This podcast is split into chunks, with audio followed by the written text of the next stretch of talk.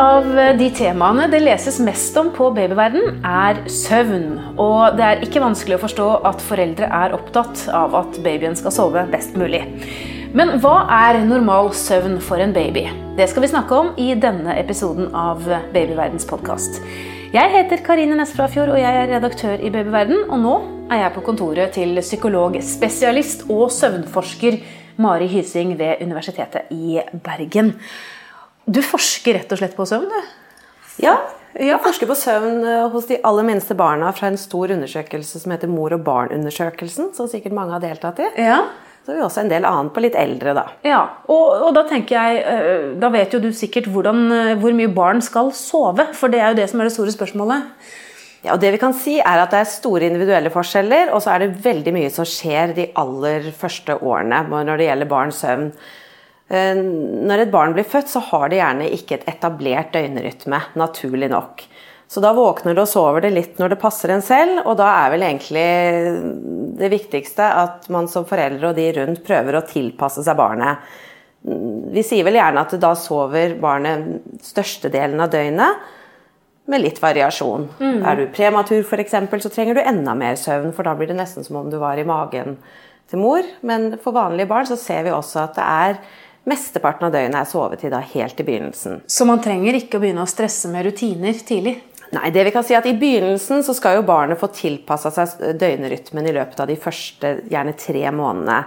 Og Det skjer på mange måter, men noe av det viktigste er et hormon som heter melatonin, og som hjelper oss med den døgnreguleringen. Eh, melatonin påvirkes av lys og mørke, så når babyen er ute i dagslys på dagen, så hemmer dette produksjonen. Og når det blir mørkt om kvelden, så vil det fremme produksjonen. Og dette igjen vil jo da hjelpe barna å komme inn i døgnrytme. Og det har man faktisk sett, at det er, tar litt lengre tid å få spedbarn inn i døgnrytme når det er mørkt om man bor i et land som Norge på vinteren. Akkurat, Så det kan være lurt å ta dem ut og gi det så mye dagslys eh, som mulig? Er det et eh, tips? Ja, det kan være lurt i begynnelsen og så prøve å være tålmodig. Vi kan ikke forvente at dette skjer ikke over natta eller i løpet av noen dager, men at det kan være veldig lurt å bruke lys og mørke for barnet. F.eks. ved at enten at man tar det ut på dagtid, eller at det ligger og sover eh, i, i dagslys inne i huset. Eh, og så er det jo det at f.eks. noen bruker gjerne mye dekker til vognene og sånn, og det er det jo kanskje mange grunner til at man ikke skal gjøre, men det går også på lyset. Ja, akkurat. Her må man samtidig være litt var for barnet sitt eget barn og barnets signaler. For noen barn de klarer jo ikke å sovne kanskje så godt hvis det er mye stimulering og lys. Så her må man jo finne den balansegangen. Mm. Det kan samtidig være greit at man sover litt lettere på dagen, og så venner man seg til at det er mørkt uh, om kvelden. Når forventer man at barna liksom skal uh, finne disse rutinene og sove liksom om natten? og man faller litt mer til ro i normale ja, døgnrytmer? Ja, det i hvert fall kan si at De første tre månedene så er det om å gjøre å gjøre disse tilretteleggingene. At man prøver å skape de rammene rundt det, sånn at det kan hjelpe i hvert fall biologien på gang. Og også gjerne det at man får mer regelmessige amming eller mat til barnet, som gjør at det klarer å, å sove litt lenger. Så, så, vil de fleste kunne sove gjennom natta, i hvert fall sånn ernæringsmessig, at ikke de trenger mat, gjerne mellom tre og seks måneder. Og så er det sånn, hva er vanlig? De aller fleste vil gradvis sove mer og mer sammenhengende gjennom natta. Fremdeles er det jo veldig veldig mange norske barn som er våken ved seks måneder. Så her tror jeg man må se på det som en prosess, og at man tilrettelegger over tid. Eh, vi gjør i hvert fall ikke sånne store tiltak på de aller minste barna. Da er det forebygging og tilrettelegging. Og så er det jo sånn at ser jo foreldre at man får jo veldig forskjellige barn. Noen barn er mer krevende å få inn i rutine og rytmer. Og det kan jo være mm, ting som at noen har melkeallergier eller noen smerter. Kanskje noen har gjerne temperament og en regulering som gjør at de svinger mye, og at de krever mer voksenhjelp for å roe seg. Og alle disse tingene gjør jo at for noen foreldre og familier vil de oppleve at de krever ganske mye å få dem inn i en rytme, og andre ikke. Og Jeg tror ikke vi skal være så strenge med oss selv her. Det viktigste er at man prøver å tilrettelegge så godt som mulig. Og så kan man kanskje jobbe mer systematisk med det, tenker jeg, sånn fra seks måneder. Litt avhengig av barnet. For det kan jo være tøft for foreldre som har barn som ikke vil sove. Vi vet Ja. jo det, at det kan være en eh, stor utfordring når man ikke får søvn selv. Ja, absolutt. Og det er jo der man må tenke litt at i hvert fall de første månedene så er det jo spesielt de barna som gråter mye av kolikk. De vil jo ofte ha vansker på natta, og dette kommer gjerne på, Sent. Og da kan man prøve å tilrettelegge, og, og, og tilrettelegge for at barnet skal sove godt, men der må man jo kanskje også se at her er det en situasjon hvor man ikke får sove så mye selv, og finne heller alternative ordninger, sånn at kanskje man skal bytte på å få sove noen netter eller få litt avlastning og hjelp. For jeg synes det er viktig at På den ene siden så er det vanlig at barna er våken på natta, men vi vet også at veldig mange mødre spesielt, men også foreldre generelt, da er mye våken, og at det kan være veldig belastende for dem de på dagtid. Så jeg tror vi kan si at noe er normalt, men at vi skal samtidig anerkjenne at dette kan være veldig tøft for mange. Spesielt hvis du gjerne har et litt urolig barn som krever ganske mye voksenkontakt og mye regulering. Og hvis man da selv ikke har sovet, så, så er jo det mer utfordrende. Så jeg syns at det at dette kan være en litt tøff periode, at man kanskje da i hvert fall i begynnelsen må finne tid til å sove selv og, og, bli, og få avlastning, og så at man også kan gjøre mye forebyggende de første månedene. Det er absolutt verdt innsatsen det man gjør med å få gode rytmer, tenke på lys og mørke, med på måltider. Etter hvert hvor barnet blir ja, si rundt tre måneder, i hvert fall rundt da, så bør det kanskje legges i, med pysjen på at man lager litt en sånn søvnrituale. For det, disse tingene vil, vil det ta med seg videre. Så hvis man har gode forebyggende, så vil man i hvert fall øke sannsynligheten da, for at man får sove litt bedre etter hvert. Er det noe forskning på om barnet sover best om det ligger sammen med foreldrene på samme rom enn, eller på eget rom? Ja, så det kan man si at det er eh, Om man sover best eller ikke, det er, det er litt vanskelig å si. Men vi vet at barn som trenger veldig mye hjelp i innsovning, og nå snakker jeg ikke om de aller minste, men gjerne sånn fra seks måneder. Så barn som trenger mye hjelp i innsovning, det at foreldrene må liksom bysse eller ligge inntil. Eh, Og gjør det samme når de våkner på natta, hvor de også må bysse og ligge inntil eller kreve liksom voksenkontakten for å sovne. Eh, Der er barnet ofte mer våkent om natta og gjerne signaliserer til foreldrene for å få hjelp til å sovne igjen. Og dette henger litt sammen med hvor man sover. For barn som sover i senga med foreldre, gjerne hvis de sovner med de eller hvis de våkner om natta, blir, vil foreldrene ofte høre det ganske med en gang de er våkne, og ofte får de mye hjelp til å sovne igjen. Så det, dette kan man ikke se helt eh, som forskjellige ting. Og da ser vi jo at de barna som i, når de begynner å bli seks måneder, og gjerne oppover og mer når de nærmer seg to år, så ser vi at de barna som da sover sammen med foreldre på natta, i større grad er våken. Og Dette har man også fått bekrefta med andre metoder og i andre studier. De dataene vi har sett på, det er jo disse norske småbarna. Så det er nok sånn at hvis man sover sammen, så må man kanskje påberegne at barnet senere da vil eh, være mer våkent. Og det går nok mest sannsynlig på at det blir vant til å få foreldrestøtte for å finne søvnen. Mm.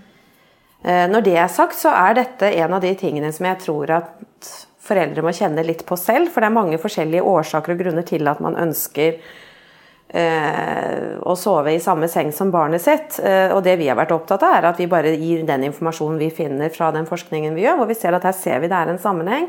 Men hva den enkelte gjør, det vil jo være basert på veldig mange forskjellige betraktninger. Vi vet jo også at det å sove sammen er I noen kulturer så gjør alle det. Da er det nesten helt utenkelig å ha barnet på egen, egen seng. Og mens i andre kulturer, og, eller i land da, som USA, så har de jo advart mot å sove i samme seng mer av pga. krybbedød og andre ting. Ja, for vi vet jo at hvis man skal gjøre det, så er det jo egentlig Ja. så er det klare regler som gjelder. Ja, ikke sant? Det er det. Så det er så mange ting som går i betraktning på liksom hva, og hva den enkelte forelder, så det syns jeg man skal Det er noe man som har foreldre og en familie skal finne ut av selv, og det vi tenker er egentlig mer at vi ønsker å formidle det vi vet, sånn at for noen kanskje så vil det å være mye våken være enda tøffere. Der er man litt forskjellig hvor godt man tåler å sove lite. Og noen er mer avhengig av sammenhengende søvn for å fungere godt som en omsorgsperson på dagtid. Og det, det er så mange ting som, eh, som spiller inn. Mm. Vi skal snakke mer om søvn og søvnstrategier med Mari Hysing, søvnforsker, men aller først en eh, liten pause. Vi snakker altså om hva som er normal søvn for en baby i denne episoden av Babyverdens podkast. Og jeg sitter på kontoret til psykologspesialist og søvnforsker Mari Hysing ved Universitetet i Bergen. Og du er jo veldig tydelig på at dere gir råd, men det er jo opp til foreldrene selv hva de velger å følge. Men Ja. så tenker jeg samtidig at det er ikke alltid det er like lett heller. For det er jo mange meninger Ja, der ute. Ja, ja. Og så er det mange kontroversielle Ja. måter eh, å, å, å få barn til å Mm. sove på. Men jeg har inntrykk av at de fleste i hvert fall i dag ønsker Mm. å ha nærhet til barna sine når de ikke får sove. ja. At de ønsker å være nær de og ikke la de ligge på, på eget rom. Men hva tenker du rundt det? Nei, jeg, jeg tenker at det som er viktig, er at uh, søvn skal jo ikke frata barnet nærhet til foreldre.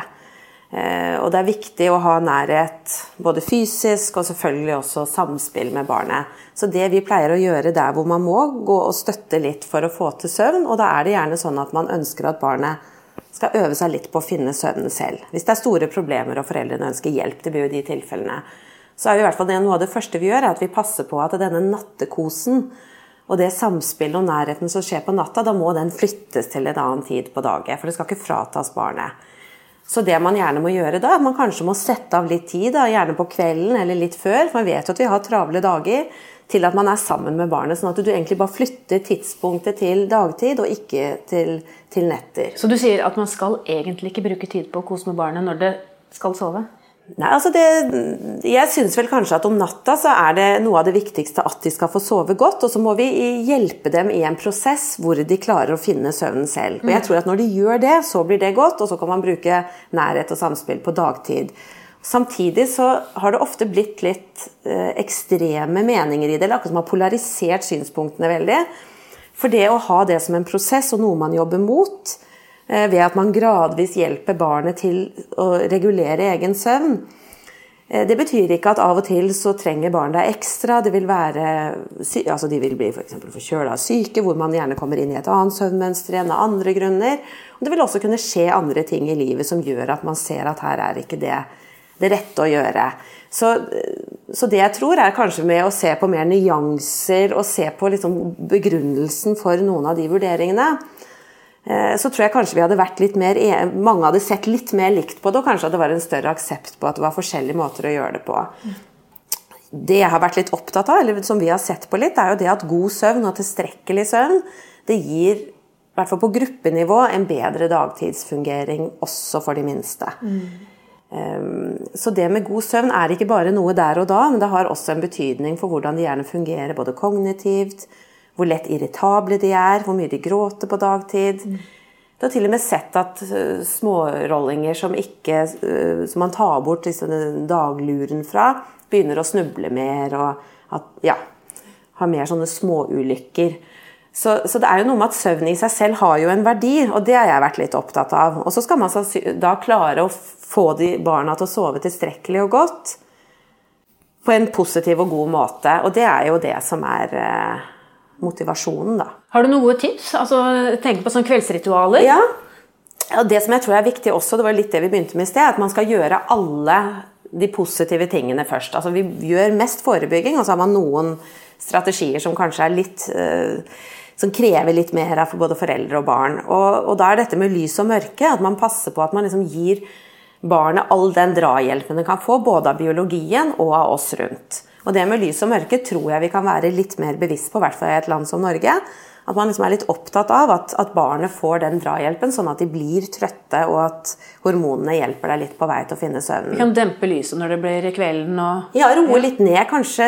Og det er jo litt også det kanskje i hvert fall de små barna kan bli veldig aktivert av TV eller andre ting. og At man prøver å gi et, et rom der hvor man kanskje demper det litt og roer veldig ned. Og da er jo disse gode kveldsritualene som gjentar seg hver dag, og som gjør at man skal være rolig i kroppen. At det er ikke løpe rundt med pysjen, men det er å prøve å få liksom en dempa stemning og få alle til å få aktivert seg ned. For skal man sove, så skal man være trygg, og man skal være rolig i kroppen. Det er da søvnen kommer lettest. Jeg tenker sånn et rolig bad, lese, synge. Er, er, det. Er det det du tenker på? Ja, og så tror jeg liksom, Man må se litt på sitt eget barn og hva er det som fungerer. Og så er det veldig viktig dette med forventning og rekkefølge. For vi har disse betingingsprosessene der hvor hvis vi assosierer noe med søvn, og vi da får denne tingen, sånn som en bok eller et bad vi, Barnet vet at hver eneste dag så vil det følges at man legger seg i senga og jeg sovner. Så skjer jo det både gjennom at man er bevisst kognitivt, men det er faktisk også sånn at dette opplever kroppen selv. Så vi får litt, også litt drahjelp av disse positive assosiasjonene hvis man klarer å lage en sånn godt kveldsrituale for de minste barna. Vi vet jo at eh, som jeg sa innledningsvis, at mange foreldre sliter med, med søvn. Det er vanskelig mm. kanskje når man ikke helt vet hvordan man skal gripe mm. fatt i det. Og så er du opptatt av at man skal forebygge først. Ja. Eh, tror du de fleste kan få hjelp av forebygging og gode rutiner? Ja, jeg tror det at det vil hjelpe på. Eh, og det blir jo mer eller mindre av god søvn. Jeg tror ikke noen kommer gjennom småbarnstid uten en del våkenetter. Men det vi ofte ser, det er det at for noen unger, de som er litt rolige i begynnelsen, så sover de faktisk godt ganske lenge. Og da er det litt lett å liksom la de sovne på fanget. og Man har kanskje ikke så mye døgnrytme, for man er i permisjon osv. Så, videre, så det blir litt mer ork kanskje å lage disse rutinene. Men så er det jo det at ungene etter hvert, hvert når de kommer seks til ni måneder, så begynner de å lære seg årsak-virkning. De skjønner at hvis én ting skjer, så kommer noe annet. De blir mer bevisst omverdenen og sin egen evne til å styre den. Så selv om et barn da har sovet godt på disse litt annerledes måter, som ikke kanskje er helt etter disse forebyggingsprinsippene, så vil det, når de vokser til og får utvikla seg, så vil de bruke det på en annen måte. Og Det er derfor jeg tror at hvis man klarer å etablere noen gode rutiner innenfor rimelighetens grenser, da, mm. så vil den overgangen bli litt lettere. For da har du allerede um, fått disse rutinene og rytmene, og barnet venner seg til det. For det er mange som da får utfordringer når barnet begynner å forstå sammenhengene mer. Det er da de begynner å gråte og vil ha deg inn, eller de roper når de blir litt større. Og, ja. så, så, forebygging er litt krevende på den måten at du må liksom være litt forut for problemet. Og det høres så fint og flott ut, men det krever jo noe, for du må jo prioritere noe da framfor noe annet. Og veldig, veldig mange barn vil sove litt overalt og på mange måter i ja, Kanskje mellom tre og seks måneder, f.eks. Når tenker du at man skal be om hjelp, da? Nei, jeg synes at Det må litt den enkelte kjenne etterpå. For Det jeg syns er viktig, er at det er fint om foreldre som er bekymra for barnet sin søvn, og kanskje opplever at dette går utover dagtidsfungeringen til barnet, så skal det være lav terskel for å få hjelp. Og det er mye god hjelp å få både av helsesøstre, kanskje av psykologer på helsestasjon, og så vil man jo eventuelt se om det er andre eller mer som skal til. Så jeg syns man skal ha en lav terskel for å ta det opp og diskutere det. Og, og, så må man vite at dette skjer med veldig veldig mange, også selv om man har prøvd mye og gjort mye, mye selv etter boka, så er det mange som fremdeles vil streve. Så jeg, jeg syns det er verdt å ta kontakt. Og det gjelder jo også litt at hvis man ser at en unge som har sovet godt, plutselig begynner å sove dårlig, så vet jeg jo selv også at det kan jo være vanskelig å vite. Jeg har det kanskje noe i ørebetennelse, er det et eller annet annet? Og da vil man jo gjerne se om en sjekk hvis man blir usikker. Hvis man syns noe er atypisk for ungen, så er det jo kanskje greit å få sjekka det litt for å ikke se om det er et eller annet som, som kan forklare det, da. Så jeg syns man eh, absolutt skal, skal, be om hjelp. Og vi har jo heldigvis tett oppfølging eh, i Norge, og det er mange som, som er dyktige og kan hjelpe. Det var godt å høre. Takk skal du ha, eh, psykologspesialist og søvnforsker Mari Hising ved Universitetet i Bergen. Hvis du lurer på mer om dette temaet, finner du mange artikler på babyverden.no og diskusjoner med andre i Babyverdens forum. Hvis du ikke allerede har lastet ned appen vår, Gravid og barn, så anbefaler jeg deg å gjøre det med en gang, så kan du følge utviklingen til barnet ditt dag for dag og uke for uke. Siden du er opptatt av graviditet og barn, kan det også være lurt å abonnere på Babyverdens podkast, så får du nye episoder automatisk hver uke. Det er også vi som lager podkastserien Gravid uke for uke. Den bør du også få med deg hvis du har barn i magen. Har du kommentarer eller et tema du ønsker at vi skal belyse, så kan du sende en e-post til podkast at babyverden.no. Men husk at vi som lager denne podkasten er journalister og ikke helsepersonell. Så hvis du har medisinske spørsmål, må du ta kontakt med jordmor eller fastlegen din. Ha det godt til vi høres igjen.